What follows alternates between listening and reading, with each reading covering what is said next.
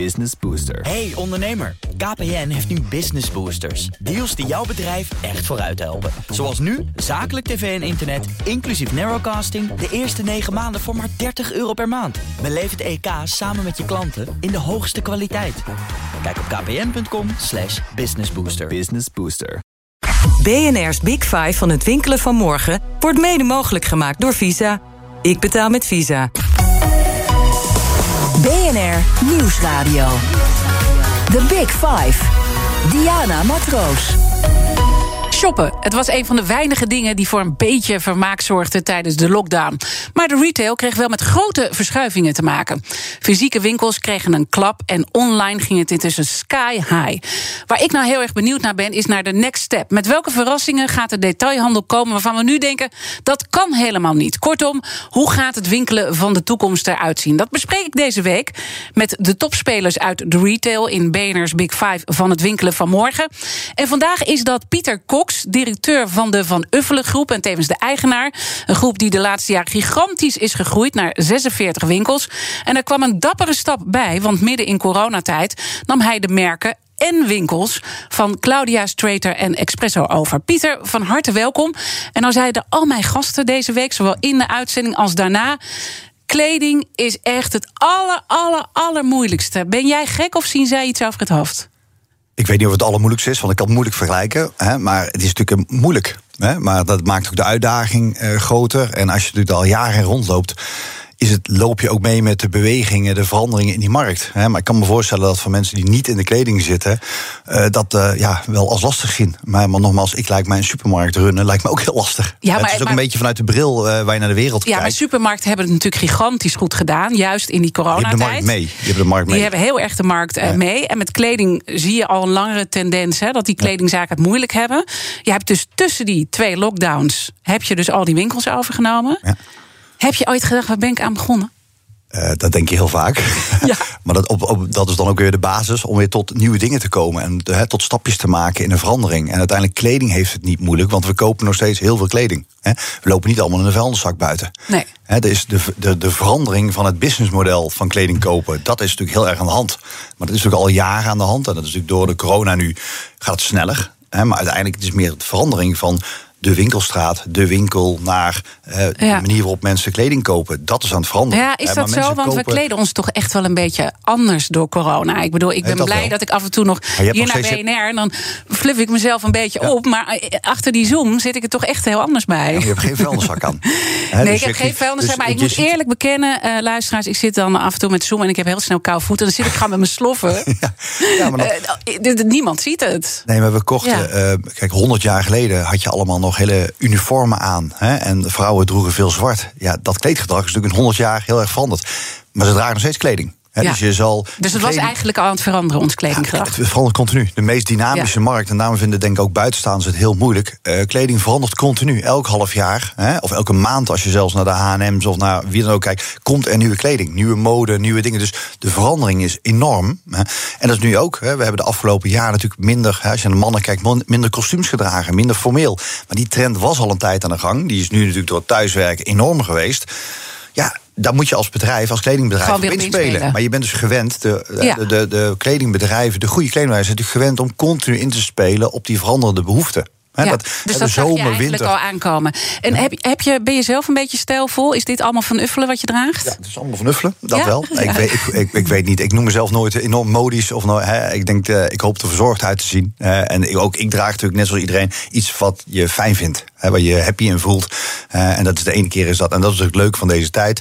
Vroeger moest je een kostuum aan. Hè, als je een bepaalde en nu heb je variëteit. Dat hoeft helemaal niet meer. Hè. Je mag je dragen. Hè, alleen er moet wel een bepaalde verzorgdheid van uitgaan. En zo probeer ik het ook. Maar ik vind mezelf niet enorm modisch of enorm. Hè, ik, als ik mensen om me heen zie, die hebben er meer verstand van dan ik. Goed. Nou, laten we dan kijken het verstand wat je hebt uh, van ondernemen. Want dat, uh, dat heb je natuurlijk. We hebben het deze week over het winkelen van morgen. En dan is natuurlijk toch eerst de vraag de korte termijn. En daar ja. speelt corona natuurlijk nog steeds een heel belangrijke rol. Straks gaat de overheidssteun wegvallen. Hè, want dat loopt nog het derde kwartaal. Dat valt dan weg.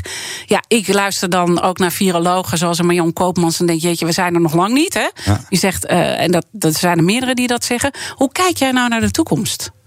Nou, aan de korte termijn. Hè. Eh, kijk, vorig jaar om deze moment hadden we ook het gevoel hè, dat we er soort van erheen waren. De besmettingen waren laag. En ehm, dan uh, dacht je, oké, we zijn er doorheen. Hè. En toen kwam er ook natuurlijk een enorme golf aan nog... Hè, met een nog veel diepere lockdown dan wij überhaupt hadden bedacht. Ja. Hè. Uh, dus, dus dat was durf, ik durf niet twee keer dat jij dacht van waar ben ik aan begonnen? Nou, net meer dat, je, dat schakelen. Je, waar ben je aan begonnen? Kijk, oh, wat moet ik nu doen om te zorgen dat mijn bedrijf hier goed doorheen komt? He, dus niet zo weer waar ben je aan, aan begonnen, maar wat moet ik doen? Mm -hmm. He, welke oplossingen? Je gaat in, in, ja, in de actiemodus.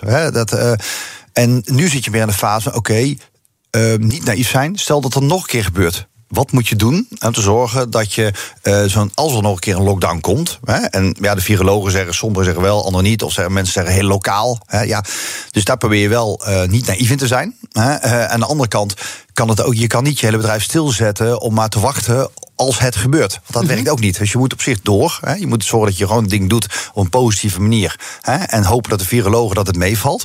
Maar je moet niet naïef zijn. Dus je moet wel zorgen dat je op voorbereid En, en wat zijn dan jouw scenario's hoe je je dan toch voorbereidt? Nou, de flexibiliteit hè, richting je mensen, je winkels. Zorgt dat als er wat gebeurt, dat je snel kunt schakelen. we hebben, en daar hebben we natuurlijk de afgelopen anderhalf jaar, niet alleen wij, maar de hele markt natuurlijk, met het hele de, de stap van winkels dicht met online. Hoe doe je dat? Hoe krijg je winkel op afspraak? We hebben alle varianten natuurlijk. Hè. We hebben, moet je realiseren dat we hebben als winkelbedrijven de afgelopen tussen half februari en half april hebben vier keer een verandering van beleid gehad. Hè, door de overheid. Nu mag dit, nu mag dat. En wij moesten elke keer maar meedraaien. Hè. In een week tijd moesten, we, moesten wij in ons geval 900 mensen. Oh ja, uh, we mogen nu cash and collect. Wat is dat? Ja, hoe werkt ja, dat dan? Ja. Uh, winkel op afspraak. Zoveel mensen in de winkel. Dus daar zijn we op zich relatief flexibel in ge geworden. En met dat soort dingen in achterhoofd ga je natuurlijk wel naar de toekomst kijken. Van oké, okay, stel dat het gebeurt lokaal. Wat kun je dan doen? Hoe kun je het opvangen? Hoe kun je ja, en noem eens dan iets uh, van een voorbeeld. Want het is denk ik mooi. Je beschrijft eigenlijk, je moet navigeren zonder dat je dat ooit hebt meegemaakt ja. als ondernemer. En ook je personeel niet. Dus dat is heel bijzonder. En ik kan me voorstellen dat je ook dat je trots maakt op je personeel. Maar wat, wat is dan een voorbeeld waarvan je zegt, daar kan ik op sturen in de toekomst als dit gebeurt? Nou, toch een beetje de ervaring van de afgelopen maanden. Je, je hm. weet wat cash and collect voor effect heeft. Je weet wat winkel op afspraak Dus je kan het gewoon uit je register pakken. Ja, kijk, uiteindelijk uh, heb je met z'n allen natuurlijk ervaring opgedaan. Dat was natuurlijk het lastige van de afgelopen periode. We hadden hier geen ervaring mee. Niet wij. Hè? Mhm. Of je nou een groot of klein bedrijf bent, het maakt niet uit. Hè? Um, je had geen ervaring mee. Die ervaring hebben we inmiddels wel wat opgebouwd met Ja. z'n allen. Waardoor dat naar de toekomst toe wel uh, Maar dit- sneller en effectiever gaat. Maar dat is toch geen uh, uh, de ervaring die je nu hebt in alle eerlijkheid. Hè? Als ik Ja. er ook een beetje heb uh, ingelezen in jouw bedrijf. Ja. Je, je hebt klappen gehad met een omzetverlies van 40 procent. Er Ja. waren verschillende fases in die hele crisis. Op een gegeven moment in de zomer ging het weer beter. Nou, dan zou je nu ook misschien weer wat beter doen. Is het voldoende de ervaring die je nu hebt om al die klappen die misschien nog gaan komen op te vangen? Of houdt het ook gewoon een keertje op? Nou, kijk, um, het, uiteindelijk, als de winkels allemaal dicht moeten, lang genoeg houdt het op. Hè, zonder overheidssteun. Hè. Dus dat, weet je, dat geldt niet alleen voor ons, dat geldt voor iedereen. Dus dat, uh, we gaan ervan uit. Hè, Mhm. Dan moet je wel. Uh, Kijk, je kunt ook niet uitgaan van een uh, wereldoorlog. Of weet je, je kan niet alles voorzien. Hè. Nee. Je moet wel, maar met de ervaring die we nu hebben, weten we wel van oké, okay, als dit gebeurt, kunnen we dat doen. En je houdt wel je achterhoofd meer rekening mee. En dat alleen al hè, met gewoon het gezonde verstand, waar we ook de afgelopen anderhalf jaar natuurlijk hartstikke in die zin met veel schade, maar we zijn hartstikke goed doorheen gekomen Mhm. als bedrijf. Um, weet je, dat, met die ervaring ga je ook uh, Ja, dat soort maar, dingen maar weer aan. op een gegeven moment, elke ondernemer teert toch een beetje in op zijn reserves. Hè? Want er wordt heel erg gezegd overheidssteun. Nou, in retail is daar bijvoorbeeld heel kritisch uh, over. Uh, doen alles dat, dat die steun ook behouden blijft in, in de toekomst. Maar als je kijkt naar die steun, wordt het niet een beetje mooier voorgedaan dan dat het is? De steun wordt, eh, laat ik zo, voor de grote, grote retailers wordt die veel mooier voorgedaan dan die is. Hè? En dat is natuurlijk het, het lastige. Dat, en daar hebben we al uh, Michiel Witteveen deze week... en ik hoorde Kitty Koelemeijer Ja. deze week ook... en natuurlijk de afgelopen maanden ook. Um, voor de grote, de grote retailbedrijven is de steun heel beperkt. Hè, omdat die allemaal gekapt is op ma maxima. En waarbij je, als je meer dan 30 winkels hebt, de maxima zo laag liggen dat, dat het in de praktijk niet zoveel effect heeft. Het probleem is dat de overheid hè, en daarmee de regeringsleiders een beeld hebben geschetst dat iedereen gesteund wordt. We laten niemand vallen, we doen het samen. En dat is in de praktijk niet zo, waardoor wij er als grote bedrijven als last van hebben. Want wij moeten aan iedereen gaan uitleggen dat we die steun niet krijgen. Of Aan je leveranciers bijvoorbeeld. Leveranciers, verhuurders, banken, iedereen. Want iedereen leest het nieuws. Hè, dus iedereen krijgt datzelfde mee. En dus wij moeten elke uitleggen. En dan moet die partij moet ook ons maar weer vertrouwen dat we ze niet een van de verhaal op de ja, want jullie groot, krijgen natuurlijk wel subsidie voor de vaste lasten. Je mag de belasting uh, later terugbetalen. Maar goed, uh, ja, ja, het belasting, uh, moet je toch terugbetalen. Hè, dat is de schuld. Je bouwt de schuld ja. op die je toch later... En die subsidie? De subsidie, maar de subsidie is gekapt op zo'n lage maxima. Dat is het probleem. He, dus dat, ja. dat geeft een paar duizend euro per winkel aan, aan bijdrage. Ja. En dat voelt natuurlijk ook on, onrechtmatig, omdat een kleine winkel die dezelfde maatregelen heeft als wij, als grotere bedrijf, die krijgt het tienvoudige ja. uh, dan, dan wij. En dan. En we snappen ook de argumentatie daarachter niet. Hebben we samen met de ministeries hebben wij een regeling uitgewerkt. waardoor zelfs Europese regelgeving. Hè, dat binnen de Europese regelgeving zou zijn. Alleen de politiek wil het niet. He, dus onze regeringsleiders, en dat voelt Kijk, wel als vervelend. Ja, het, het, voelt als vervelend. En als ondernemer wil je natuurlijk positief en weer in die actiemodus ja. uh, komen. Dus je wil ook niet klagen. Maar wat is dat wat eronder ligt dat die overheid dat gewoon niet pakt? Want, want, want, ja, ja wij zijn is... groot. Wij, hè, dan, ja. uh, misschien is het toch een beetje door de. Uh, en dat hebben wij dan. Hè, uh, ik als misschien wat kleinere, grotere speler. Maar je zit in hetzelfde hokje als bedrijven met veel buitenlandse private equity. Mm -hmm. Of mensen die weet ik wat in de quote 500 staan. Waardoor het beeld staat. Ja, die hebben heel veel geld. Die moeten het zelf ja. oplossen. En dat heb jij niet, toch? Nee. Nee. nee. Zal ongetwijfeld bevarender zijn dan de gemiddelde. Maar, weet je, de, maar waarom? Dat is buiten het feit dat dat of dat dan wel of niet zo is, uiteindelijk die bedrijven, die mensen die daar werken, worden geraakt. En als die bedrijven niet, die, die moeten het dus zelf maar oplossen. Die moeten dus ergens maatregelen gaan nemen om dat op te lossen. En dan volgens wordt er gezegd door een vakbond dat ze niet sociaal zijn. Dan vind ik, ja, hoe, wat moeten ze dan anders doen? Ja, en dat, dat, dat is, wel, dat, is dat, dat verhaal met die uh, lonen wat nu speelt. Ja, hè? Uh, ja. En dat is eigenlijk allemaal begonnen met, uh, met één zaak, met de Vibra. Ja, ja dat, en dan heb ik denk ik, Gros van Vibra, die, die, weet je, die, ook die krijgen weinig steun. En die moeten het wel opgelost krijgen. Hè? Ja. Dat, is, dat is lastig. Hè? Uh, hoe, doe, hoe doe jij dat met je personeel, met de lonen? Nou, wij, die, uh, nee, doe je dezelfde constructie? Nee, wij proberen wel met, uh, met alle medewerkers, hebben we de afgelopen maanden ook goed contact hebben. En dan hebben wij denk ik net iets groot, of minder groot bedrijf dan de Vibra. Dus uh, dichter goed communiceren met de mensen ook. Hè, van kijken, wat moeten we doen, wat moeten we niet doen. En we proberen daar zo flexibel mogelijk met z'n allen in te zijn. Want uiteindelijk moet je toch met z'n allen oplossen.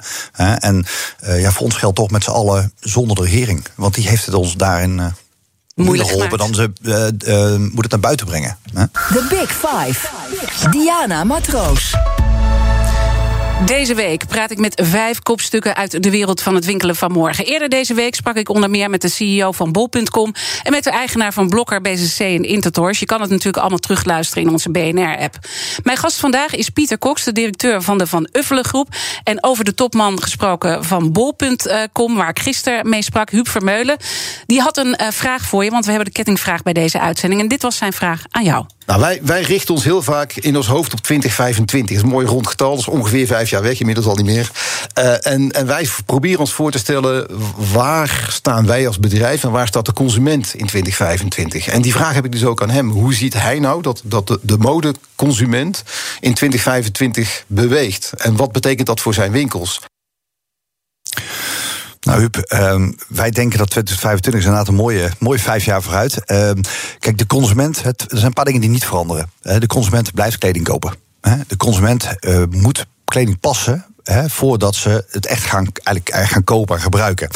Alleen dat hele moment uh, daarin, dat uh, wat gaat veranderen, is dat de on- en offline veel door elkaar heen lopen. Over vijf jaar kun je bijna niet meer spreken van pure online of pure offline. Dat is een beetje in ons voor bedrijf, denk ik, met eigen winkels en online. Dat loopt dwars door elkaar heen. Daar zijn we nu de eerste stapjes van maken.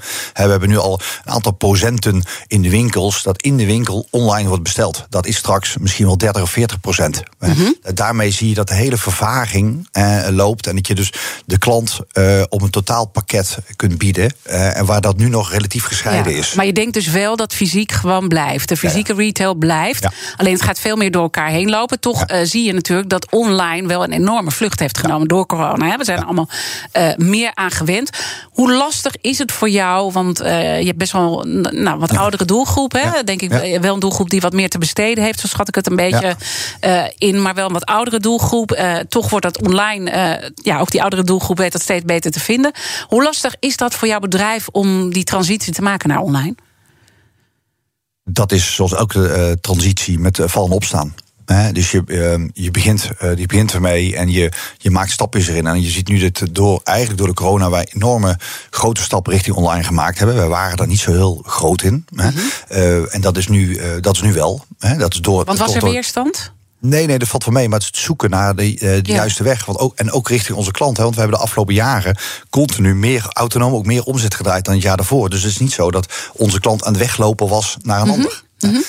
Alleen ook onze klant was nog aan het zoeken van oh ja, hoe zit dat online? En die Ja. heeft het ook geleerd. En wij moeten samen met onze klant dat proces ingaan. En dan moeten wij zorgen dat we ietsje voorlopen op de klant, zodat we hem blijven behouden. Ja. Dat het niet weggaat. En dat zie je nu de, eh, dat zie je de afgelopen tijd heel erg gebeurd. En die klant die heeft het ook gevonden. Die zoekt ook zijn weg erin. Wanneer koop ik iets online, wanneer koop ik iets offline? En dat hebben wij natuurlijk als bedrijf moeten dat faciliteren. Ja. Wij moeten gewoon zo goed zorgen dat we die klanten kunnen bedienen op beide Ja, dus je moet samen momenten. eh, groeien, maar je moet aan de andere kant zorgen dat je een stapje eh, voor bent. Daar heb ik natuurlijk ook eventjes gekeken en ik ben Ja. echt een online shopper. Ja. Eh, dus ik heb even gekeken naar, naar jullie website en ook naar Instagram. Eh, want volgens mij zijn jullie ook een samenwerking eh, aangegaan met eh Bastiaan Ragas, klopt dat? En, Dat is een tijd geleden. Ja, dat is een tijd geleden. Nee, maar dat, Ja. dat, dat zat wel op Ja. dat Insta. Dan Ja. zie ik dat jullie toch nog geen 3000 volgers hebben op. Insta. En, en de website, ja, je, je kan de, de kleding goed zien, maar weet je, het moet nog wel een upgrade hebben als je denkt. Dus het is toch best wel lastig, toch? Het is altijd lastig, omdat je eh, de, om je heen de, de technologie en de, de spelers die, helemaal spe- die er helemaal in specialiseren, die zijn er dag in dag uit mee bezig met eh onbeperkt financiële middelen. En wij proberen toch vanuit, zoals we eigenlijk al de afgelopen jaren, heel praktisch te kijken: oké, wat kunnen we doen? Wat, waar, waar, Ja. wat is onze financiële rekstok om dingen te doen? Om mee te bewegen met die klant. En die, weet je, die pure online shopper, hè, die bij dat soort bedrijven, ja, daar zijn wij misschien iets te basic voor. Maar voor onze klanten zijn we heel, eh, heel waardevol. Ja. Eh, en gaan we dus ook heel goed. Hè. Maar wij proberen ook wel gewoon geld te verdienen. En, de, en ook de investeringen af te zetten tegen wat we kunnen doen. En we hoeven En daar dat ook is niet nu voor te- alleen maar moeilijker geworden door corona natuurlijk. Want je hebt minder te besteden om te investeren. En tegelijkertijd, je schetst die grote partijen. Je hebt natuurlijk aan de ene kant de platforms zoals eh bol.com en Amazon. En aan de andere Ja. kant een Zara en een H&M. Die daar natuurlijk ontzettend veel geld voor eh, hebben. Om Ja. dat marketingbudget. Hoe moeilijk is dat om daar tegen op te boksen? Ja, dat, ja, dat is niet zo moeilijk. Hè, want zij zitten gelukkig in een ander marktsegment. Ja. De H&M is geen concurrent voor ons. Hè. Eh, Zara is geen concurrent voor ons. Hè, dus ook een medespeler in de markt. Hè. En eh, wij leren veel van ze. Want wij kijken natuurlijk naar hoe, hoe zij de dingen doen. Ja. Hè. Eh, Heel vaak hoef je natuurlijk het wiel niet zelf uit te vinden. Hè. En wij hebben nou eenmaal niet de positie, en die wil ik ook niet hebben. Dat heb ik nooit gehad. Ik hoef niet de voorloper eh, op de markt te zijn op basis van technologie, op basis van allerlei vernieuwingen. Ik wil voorloper zijn. Ik wil mijn klanten goed kunnen bedienen. Dat vind ik het allerbelangrijkste. Eh, En daarmee moet ik meebewegen en, eh, met Ja. die klant. En die klant is namelijk ook geen voorloper bij ons. Die is ook, die, ehm, dus we moeten, eh, die verwacht dat ook niet van ons. Die verwacht van ons de kwaliteit en de service op alle vlakken. Ja. En, dat, ehm, en dat is ook met een Facebook en Instagram. Wij zijn dat gewoon eh, aan het opbouwen. En veel van onze klanten zitten misschien niet eens op Instagram. Ja, maar wel dus- op dus- Facebook. ja. En we proberen En, samen en met radio hen... zetten jullie ook heel erg op in. Want ik Ja. hoor op Sublime alleen maar eh, mega veel eh, Reclame, eh, reclame. Eh, Birgit Lewis is een van jullie stemmen die dan zegt wat, wat, wat ze allemaal koopt. Is dat dan juist een strategie om te kiezen voor andere type media? Dat je zegt radio werkt gewoon veel beter. Ehm, we hebben gekozen voor eh, radio en Sublime, omdat we iets... Niet te veel reclame voor Sublime, hè? want mensen moeten natuurlijk wel bij je neer blijven. Eh, ja, maar, maar gewoon over het type omdat radio. we, nou, we willen ons, eh, weet je, we vinden muziek heel, eh, een beetje Mhm. mooi. Muziek is voor mannen en vrouwen. Iedereen wordt positief voor muziek, dus dat we daar ons wat meer aan kunnen koppelen om onze naamsbekendheid te vergroten. Hè, Van Huffel heeft niet de allergrootste naamsbekendheid in Nederland, omdat we inderdaad de afgelopen jaren gegroeid zijn en we waren niet zo'n groot bedrijf. Dus op deze manier proberen we met name je naamsbekendheid op een positieve manier te vergroten. Daarvoor hebben we daarvoor gekozen. Hè. Ja. En zo moet je natuurlijk op alle vlakken moet je actief zijn. Hè, op social media ook. Maar we proberen dat en we doen dat echt met mijn eigen groep mensen. Doen wij stap voor stap, maken we onze dingen op een verstandige manier. En dat, weet je, dat heeft ons de afgelopen jaren heel ver gebracht. Ja. Hè, en ehm, ehm, nogmaals, onze positie is niet om voorop te lopen op dat soort technolo technologische dus je wacht het En wel, Dat hoeft eh, ook af. niet. Onze doelgroep. En je hoeft ook niet naar een platform, een, een winkel te beginnen via bol.com of via een. eh, de- Nee, dat- wij dat- zien, eh, en dat is een beetje een onderscheid voor merken merken, eh, de merken Expresso en Claudius Streeter geldt wat anders. Maar voor uh, Van Uffelen is natuurlijk van zichzelf een soort van platform. Het is een multibrand formule waar je een aantal merken kunt kopen. En dat kun je online en offline. Dus mm wij zijn van, dus Van Uffelen is zelf daar al een stuk in voor Claudius Street en Expresso geldt dat anders. Maar die worden dan ook via dat soort platforms ook verkocht. Ja, ik wil straks graag met je verder praten in het uh, tweede deel. Mijn gast in uh, BNR's Big Five van het winkelen vanmorgen is Pieter Cox. Eigenaar van de Van Uffelen Groep. 46 winkels. En daar is dus nog Expresso en Claudia Streeter aan toegevoegd. En daarmee had je ook in één keer merken in handen. Want dat had je niet uh, eerder. nu ze zo groot worden wil ik ook graag van Pieter weten... of ze niet toch iets meer voorop moeten lopen in de duurzaamheidsgedachte. Tot zo. BNR Nieuwsradio. The Big Five. Diana Matroos. Welkom bij het tweede halfuur van BNR's Big Five. Deze week praat ik met vijf kopstukken uit de wereld van het winkelen van morgen. En ik sluit deze week af met mijn gast Pieter Cox. Hij is directeur van de Van Uffelen Groep, ook de eigenaar uh, van die tent. Uh, en heel veel bekende merken vallen daaronder. Ik noem me eventjes een... Uh, we hebben met Tommy Hilfiger, Hugo Bos, PMA Legend. Dus uh, hele variëteit aan merken. Ja, en onlangs dus uh, Claudia Streeter en Expresso daaraan toegevoegd. En daarmee ja. hebben jullie 102 winkels uh, in ja. totaal. gigantisch gegroeid. En ook met Claudia Streeter en Expresso natuurlijk merken eraan toegevoegd. Wat natuurlijk echt iets is wat jullie hiervoor niet hadden, eigen merken. dan wil ik toch eventjes kijken naar jouw persoonlijke reis. Want je studeerde ooit aan Nijrode. toen ben je dus de wereld van mode en retail ingegaan. Aan het begin van het gesprek zei je al... ja, ik ben niet heel stijlvol. dus wat triggert jou dan om die modewereld in te gaan? Nou, dat was eigenlijk zoals vaak in het leven, de overkomen je, overkomen je dingen. Hè? En soms dat positief en soms dat negatief. In dit geval uh, uh, was 21, was klaar. Ik wist eigenlijk niet goed wat ik wilde. Als ik mijn sollicitatiebrief van die tijd bekijk, is een enorme variëteit aan verschillende dingen. Mm -hmm. En toen kwam ik toevallig uh, in contact met uh, Herman Fransen van de Sting. En uh, ja, dat leek me wat hè, om bij hem te gaan werken. Uh, en toen ben ik, uh, toen ben ik ben begonnen. Eigenlijk niet heel veel wetende van winkels of van mode of wat dan ook. En dat realiseerde je achteraf, hè, ja. hoe weinig jij weet. Hè, terwijl je op dat moment denkt dat je de wereld aan kunt en alles weet. en ik heb aan hem drie jaar lang een prachtige, strenge leermeester gehad. hoe dat, ja, hoe dat ja. werkt, hoe en een retailbedrijf werkt. Dat is natuurlijk niet de minste, hè, want hij is quote 500 kledingmagnaat, wordt hij ook wel eens genoemd. als je de artikelen leest. Wat, wat heb je dan van hem geleerd? Nou, gewoon überhaupt het, uh, de bedrijfsvoering van een retailbedrijf. Hè. Want als je van school komt, heb je dat al mooi geleerd. Hè. Je kunt het opschrijven en mag het doen. Hè. Hoe zit een huurcontract in elkaar? Hoe werkt dat? Hoe werkt gewoon de kleding, logistiek? Hoe werkt afprijsbeleid? Hoe werkt dat? Hoe kun je dat? Uh, hoe werkt, en het allerbelangrijkste nog, sfeer in een winkel? Mm -hmm. uh, weet je, hij was uh, in ieder geval in die tijd ook. Hè, uh, ja, weet je, hoe breng je een goede sfeer in een winkel? En hoe doe je dat dan? Moet je het dan heel mooi maken in zo'n winkel? Of nee, is dat... Kijk, een mooie winkel, dat is gewoon een kwestie van geld. Ja. ja dat, weet je, heel, als je heel veel geld hebt, kun je een hele mooie winkel maken. Maar dat wil niet zeggen dat het een goede winkel is. En dat zit in zoveel kleine elementjes, hè, uh, waardoor zo'n winkel uh, goed is. Hè. Vaak heb je natuurlijk best wel goed lopende, veel, vaak heb je goed lopende winkels die helemaal niet zo mooi zijn. Maar hmm. omdat er de muziek goed is, omdat het met name medewerkers goed zijn, een goed team staat, hè, omdat het als geheel klopt. Uh, functioneert het, weet je, is, is ja, heel succesvol. En, en zijn klanten dus daarmee blij. Ja, en dat is super moeilijk natuurlijk. Want ja. kijk naar een Hudson Bay. Daar ging giga veel geld in. Daar werden sterren ingevlogen. Uh, en het werkt dus niet. Wat, wat hebben zij dan verkeerd gedaan in jouw optiek? Nou, zij hebben geprobeerd in een hele korte tijd enorm bedrijf uit de grond stampen. Hè? En dat is lastig. Je, veel winkels, mm -hmm. ook de onze is natuurlijk winkeltje voor winkeltje uiteindelijk begonnen. Dat wij hard gegroeid zijn, dus door overnames. Dat zijn bestaande goede dingen die je toevoegt. Maar Hudson B heeft in één klap geprobeerd. Hè, dan moet je in één keer 1500 mensen aannemen. Die moeten in één keer als team gaan functioneren. Die moeten uit de markt gehaald worden die krap is. Hè. Goede mensen, die als het goed is, worden goed beloond, blijven bij een werkgever, zijn loyaal. Dus haal maar eens de goede mensen eruit. Hè. Dus dat, dat was denk ik al als echt Dus dat enorme... is jouw strategie, dat je elke keer gewoon goed lopende dingen ja. koopt, dat eraan uh, toevoegt. Daar zitten ook goede mensen achter die je ja.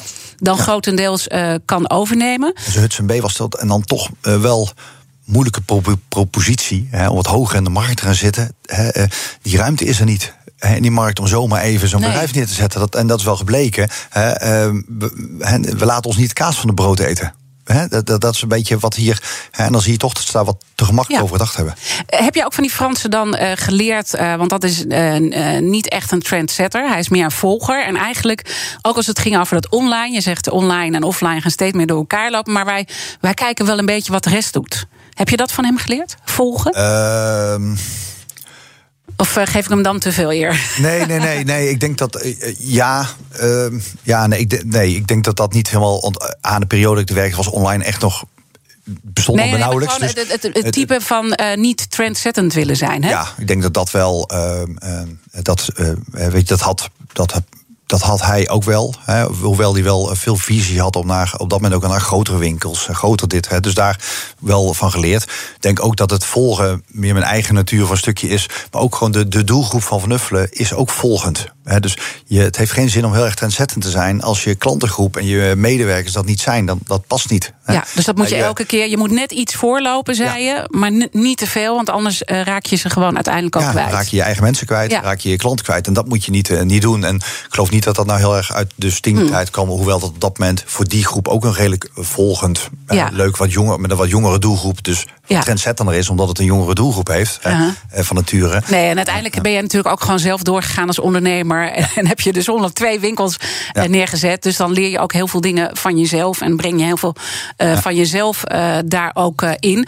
Ben je wel ergens verliefd geworden op die modebranche? Want je zei eigenlijk, ik ben er gewoon een beetje per toeval ingerold. En dan doe je wat je goed kan. En dan leer Ja, je wat vind van de retail. Ik vind op dit moment, ja, ik ben er verliefd op geworden vanwege ook de dynamiek. Eh, gewoon, het is altijd anders. Niks is hetzelfde. Elk half jaar is het anders. Hè. Elk, elke maand is het anders. Uitverkoop, niet uit. Er zit zoveel verandering continu in. Ja, nu helemaal Eh, en natuurlijk dat heb ik denk wel in mijn aard. Ik ben eh, iemand die makkelijk verandert. Ja. Ik ben misschien niet zo innovatief, maar wel iemand die continu schakelt. En dat, dat past denk ik goed bij me. En daarbij vind ik, en dan ben ik misschien toch een beetje ouderwets. ik, vind een, ik kan genieten van een goede winkel. Dat vind ik wel. eh, Ja. dat, kan, dat kan ook een fietswinkel zijn. Ja. Of een bakkerij. En wat is dan een goede winkel? zoveel- Ook als je even de stap maakt naar eh, de toekomst. Wat is dan een goede winkel en wat is een goede winkelomgeving ook? eh, sfeer. Sfeer is alles. Ja. Weet je, Maar sfeer is zo, zo wat, wat, wat is dat dan concreet? maar dat- is dat moeilijk. maar dat is ook het moeilijke. Ja. Daarom is ook het zo moeilijk om een goede winkel te hebben. Maar dat zie je ook in de horeca. Ik vind het zo knap. Heb je twee restaurants naast elkaar. Waarom is dat ene restaurant nou vol? En daar wil hij dan ook, staat in een rij om naar binnen te komen. ja, dat is heel pijnlijk voor die ander. Ja, maar dat, Ja. Is, dat, eh, dat is toch knap. Dat heeft die man, die heeft een bepaalde sfeer. Dat heeft niks met mooi of lelijk te maken. Maar dat is, hangt de sfeer. Hè? Eh, En dat is een combinatie van kwaliteit, van personeel, van uitstraling, van prijs, van alles bij elkaar. En dat maakt dat het goed is. En dat.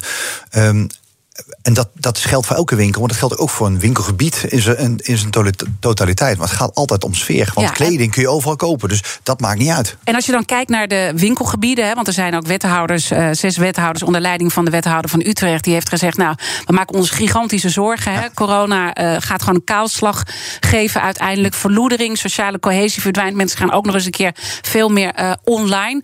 Welke fouten zijn er gemaakt al voor corona als het gaat om het winkelgebied?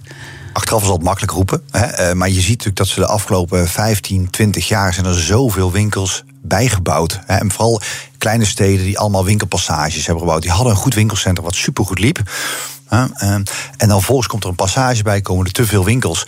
Dat, zie je, eh, dat zie je om ons heen gebeuren. Nederland is heel lang, ik weet niet hoe het op dit moment nog is... maar heel lang natuurlijk het meest dicht bewinkelde gebied ter wereld geweest. Overal. Hè? eh, ooit hadden wethouders als van persoonlijke status een zwembad. En op een gegeven moment werd het een soort van winkelpassage.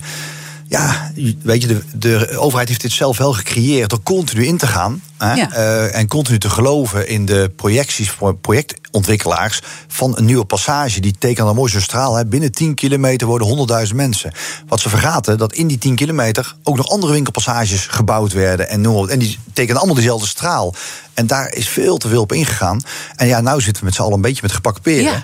Eh, en dat moet wel, ja, die transformatie, dus moet gebeuren. En die zes wethouders hebben denk ik volledig gelijk. Hè? Ja, maar ze waren er Eh, ook maar zelfs bij, of hun voorgangers. Ja, dat Ja. is wel, dat is natuurlijk uiteindelijk wel het gevolg van eh, beleid geweest. Mhm. Hè? Waarbij heel veel retailers al zeggen... Heel, het is genoeg, het Ja, is genoeg. niet hè. meer erbij. En dan, en dan worden veel retailers, of heel zeggen, als negatief bedoeld... bedoeld dat je wil geen concurrentie, je wil geen dingen. Nee, maar wij zien denk ik net zo goed, Ja. misschien wel beter... dat op een gegeven moment het niet meer kan. Hey, en als je daar dan, eh, eh, je hebt het ooit overgenomen, het was een familiebedrijf hè, natuurlijk van Uffelen. En je hebt dat eh, in 2006, eh, zij konden geen opvolger vinden, zie je natuurlijk vaak bij familiebedrijven.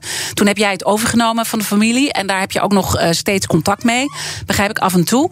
Praat je ook over dit soort dingen eh, met ze en wat zijn dan de ideeën waar jullie op komen als het gaat wat er wel moet gebeuren richting de toekomst? Nee, zo concreet eh, praat ik Nee, niet meer met ze. oké. Nee, nee, dat is vaak een beetje bijkletsen. Eh, Ja. en dan zie je toch, en dat is wel grappig, dat... ik denk al twee, twee jaar nadat ik het over had genomen, zei maar met een van die broers, het waren drie broers, zei ja, weet je, ehm, ik weet het gewoon niet meer. Weet je, ik ben er zo snel uit. Hè? Ik, eh, Mhm. eh, eh, als je erin zit, snap je het allemaal. Stap je eruit, dan ben je ook heel snel de draad, omdat die ontwikkelingen zo snel gaan. Hè? Dus het is nu vaak een beetje bijkletsen. Hè, hoe gaat het? Ja. En, Ze zijn dus nog wel betrokken. ja, ja, heel, ah, weet je, ik kan, kan ze altijd bellen. Ja. Eh, ehm, en maar ze zijn wel heel erg op afstand. Ja. En inmiddels natuurlijk ook redelijk op leeftijd aan het raken daarin. Eh, ehm, ik heb natuurlijk ook daar een eigen weg gekozen. Ja. Ehm, Ja, dus dat ik- is natuurlijk ja. de hele tijd wat je ook aangeeft. Hè? Ik bedoel, je hebt een aantal leermeesterschap, maar uiteindelijk ben je natuurlijk je eigen leermeester geworden. En heb je daarin heel erg je eigen weg gevolgd. Eh, laten we dan zo meteen ook eh, verder praten over toch die verdere stappen richting de toekomst. Gaan we ietsje verder kijken en ook over duurzaamheid. Maar eerst, dankjewel Nina. BNR Nieuwsradio. The Big Five. Je luistert naar BNR's Big Five van het winkelen van morgen. Mijn gast vandaag is Pieter Cox van de Van Uffelen groep... waar intussen 102 winkels eh, onder vallen. En het eh, begon ooit toen je het overnam met... Nee, 9. Ja. Dat was in 2006. En in al die tijd heb je dus weten uit te bouwen naar 102. Eh, de laatste stap die je hebt gemaakt, daar begonnen we de uitzending mee, is een heel moedige stap door in coronatijd, eh, midden in die crisis, eh, heb je Claudia Strater en Expresso overgenomen. Daarmee heb je ook merken in huis gehaald. Terwijl je altijd hebt gezegd, heel principieel, ik wil geen eigen merken in huis halen. Hoe, hoe anders is dat nu voor je en waarom heb je het gedaan? nou, ehm, kleine correctie. Oh. Wat ik, eh, ik wil geen private labels. eh, ik heb altijd gezegd, ik wil geen private labels maken. Want wij zijn een merkenbedrijf, hè, Dus je multibrand wil geen formule. van uffelen. Nee, eh, Nee. kijk, je ziet, wil even terug haakje naar Sting. De Sting had vroeger ook merken. Hè, en zo heeft stap gemaakt naar eigen merken te maken. Een eigen merk maken is zo ongelooflijk moeilijk. En dat kost zoveel tijd. Mhm. Dat wij daar al vanaf, eigenlijk vanaf een paar jaar geleden al gezegd, dat gaan wij niet doen. Wij kiezen ons, wij, maken gebruik van de merken die er zijn. En wij zijn in die zin al ook een beetje een platform. Wij moeten gewoon zorgen dat we de beste, en de, de, de beste merken in huis hebben voor onze klant. Ja, Dus wij willen niet dat doen. nee. Het, ehm, alleen op het moment dat je dan de kans krijgt om één van die merken die je al verkoopt. Wij waren al eh, de grootste klant van Expresso in Nederland. Hè, voor die tijd, we verkochten het aan alle winkels. Hè, we verkochten een aantal winkels, Claudia Streeter. Als je dan de kans krijgt om zo'n merk wat al een gevestigde naam is, om dat aan je toe te voegen, waardoor je bedrijf natuurlijk een veel breder profiel krijgt. Hè, wat minder afhankelijk wordt ook van andere merken. Ja. Hè, meer marge meer kan marge, toevoegen. ja, kan meer marge toevoegen. Ja. dan die kans die heb ik me niet laten ontgaan. Eh, en past ook een beetje in de, Mhm. zeg maar, de ontwikkeling van de afgelopen jaren. Dat ik me heb continu gericht op het overnemen van bestaande, in mijn ogen, goede dingen die bij het bedrijf passen. En daar past dit dan ook in. En dan denk ik toch even, als het gaat om het winkelen van morgen... duurzaamheid is natuurlijk ongelooflijk belangrijk. We weten allemaal hoe vervuilend de mode-industrie is. Dan heb je nu meer eh, verantwoordelijkheid, denk ik. Nu je echt merken zelf in handen hebt. Ook de productie in handen hebt. Ga je daar echt grote stappen zetten met duurzaamheid? Want als ik nu kijk naar jullie website onder het kopje duurzaamheid... dat is niet heel veel, hè? Nee. Nee, in alle komt ook een beetje. Ehm, Expresso eh, was daar heel, eh, heel actief mee. En dat is ze op dit moment ook nog wel. Alleen omdat je door zo'n doorstartend faillissement... verlies je ook allerlei certificaten en dat, en dat soort zaken. Mhm. Heb ik er bewust voor gekozen om te- qua communicatie... op een wat lager niveau te brengen. Want ik wil wel iets kunnen beloven... Ja. Als ik iets beloof, moet ik het waar kunnen maken. Ja. En, ehm, Maar je hebt het steeds deze afgelopen, aangegeven dat dus de afgelopen de- maanden konden wij dat niet. eh, Nee, weet je, omdat je, je moet met- even passen op de plaats, Ja, maar- even zoeken, waar gaat dit? We kijken natuurlijk naar de toekomst. Ja. En eh, nou, dit is gewoon iets waar alle eh, ondernemers zijn verantwoordelijk. Je wordt ook steeds groter. Ja. 102 winkels. Ga je dan wel richting de toekomst grote stappen zetten? Of ga je hier net zo goed volgen als wat je met alles doet? Expresso deed het al, doet het nog steeds, alleen we roepen het wat minder. Hè, dus we gaan daarin, dat, dat, dat verschil is niet zo groot. Hè, en daar gaan wij natuurlijk, ook daarin, weet je, wij moeten daar onze stappen zetten. Hè, en dat moeten we met z'n allen doen. En daar zal het merk Expresso veel meer voorop lopen. Hè, omdat dat in het DNA zit, omdat ze de ervaring vanuit het verleden hebben. Die hebben al veel leveranciers. Die, mhm. Zo duurzaam mogelijk. Hè, want 100% duurzaam kan niet. Ja. Oké, okay, zij doen meer dan je andere, dus andere uh, uh, merken die je in de, de zaak hebt. Maar het is niet zo dat zij echt voorop lopen in de strijd, toch? Als het gaat om de duurzaamheid. Nou, zij deden in het verleden, voor hm? die doorstart, waren zij wel echt wel, uh, zaten zij echt wel in de voorhoede. Hè, daarvan. Nogmaals, alleen we hebben de communicatie wat naar beneden gebracht. Mhm. omdat ik eerst wil weten waar ik aan toe ben. Hè, Voordat ik een claim leg op iets. Hè, wat ik niet waar kan maken, want dat wil ik niet. Nee. Hè, dus, dus de, dat, dat is de onderzoekende fase waar je in je nu bent. Maar laten we dan toch even kijken wat voor stappen er richting de toekomst genomen kunnen worden. Want of een uh, offline en uh, online en offline gaat steeds meer door elkaar lopen. Maar je ziet natuurlijk, in de winkel wordt er moeilijk gedaan over een tasje. Maar als dingen bezorgd worden. Dan krijg ik mega veel dozen en mega veel plastic uh, thuis bezorgd. Ik val van mijn stoel daarin, echt waar. Ik, ik, daar, um, en ik denk ook dat als je naar de toekomst kijkt, dat de overheid gaat dit recht trekken. He, dit, he, er is, en dan zie je ook dat de overheid de focus op de winkels veel groter is dan de focus op online. Mm -hmm. Alleen langzaam, doordat het online groter wordt, wordt het natuurlijk een beetje één en ook daar zal de overheid natuurlijk zijn, zijn regel. Dat moeten ze bijna wel. Het kan niet zo zijn dat wij 10 cent voor een tasje en 400 mhm. euro boete krijgen als we dat niet doen. Terwijl, dus er moet een tax uh, komen daarop of zo? Nou, dat is aan de overheid om dat op de goede manier te doen. wij hebben ervoor gekozen bij Van Huffelen op dit moment dat als iemand geen tasje wil, krijgt hij voor ons uh, spaarpunten. Dus wij belonen de klant om geen verpakkingsmateriaal te nemen. Want je kunt beter de klant belonen voor mhm. iets... dan dat je het moet straffen met dat iets geld kost. Hè. En het is niet lekker als je voor 200, 300 euro wat gekocht hebt... en je moet 10 cent voor een tasje betalen. Dat, is, dat, dat voelt niet goed voor ons. Hè het idee is dat je namelijk geen verpakkingsmateriaal moet gebruiken. Dus wij zeggen tegen de beste klant dan: Heeft u een tasje nodig? Nee. Nou, ja. neem het, we verpakken het netjes, neem het mee. Veel mm -hmm. dames hebben tegenwoordig toch een tasje in hun tas zitten. Mm -hmm. en dus je praat daar steeds meer over. En dat zijn allemaal die, die, die, die kleine stapjes. En ik hoor toch een beetje door je verhaal heen... het zijn allemaal kleine stapjes. Ik ga geen grote stappen maken. Ik denk dat dat heel moeilijk is. In de, ehm, in de omvang waar wij zitten. Wij zijn geen niche-speler wij kunnen niet 100% duurzaam, want dan kunnen wij niet de volumes verkopen die de klant wil hebben. wij zien ook uit de klantpanels die wij doen. Klanten willen graag duurzaam, maar ze willen er eigenlijk niet extra voor betalen. En ze willen vooral iets leuks kopen voor een bepaalde prijs. Dus aan ons de uitdaging om voor die prijs die kwaliteit te kunnen bieden en duurzaam. En dat wordt voor de komende jaren, dat wordt de uitdaging. Ja, maar dat is dus heel complex. Dat is dus heel complex. En want je ziet wel spelers natuurlijk, uh, zoals een zeeman, die gaat dan opeens uh, toch uh, tweedehands kleding verkopen. Zou dat dan ook iets zijn waar je aan denkt, of past dat dan weer niet bij je doelgroep? Nou, ik denk dat Kijk, 100% duurzaam produceren, dat lukt bijna niet. Want we produceren allemaal uh, niet naast de deur. Dus die vrachtwagen, zolang die vrachtwagen niet duurzaam rijdt, ben je al niet duurzaam. Mm -hmm. dus het is, uh, dat gaat niet. Uh, dus je moet daar ook daar alles wat kan, moet je doen. maar je moet wel reëel zijn dat waarschijnlijk 100% duurzaam produceren moeilijk is. Ja.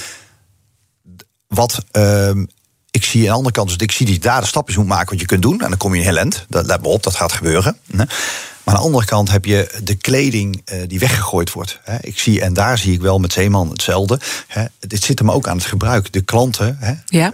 Kunnen die kleding niet kwijt. Hè. En nu ook de, volgens mij de, de leger des heilsbakken, die puilen uit, die zitten afgesloten. Want er is zoveel kleding ingeleverd, we krijgen het niet kwijt. Dus wij moeten met z'n allen iets verzinnen wat we met de recycling van die kleding doen. En als we dat nou eens, daar zijn veel grotere stappen te maken dan aan de productiekant. Ja, ja, ja, dus zou je dan bijvoorbeeld, uh, wat, wat, wat, de HEMA uh, nu doet, die samelen ook tweedehands dingen in en er worden dan gordijnen van gemaakt.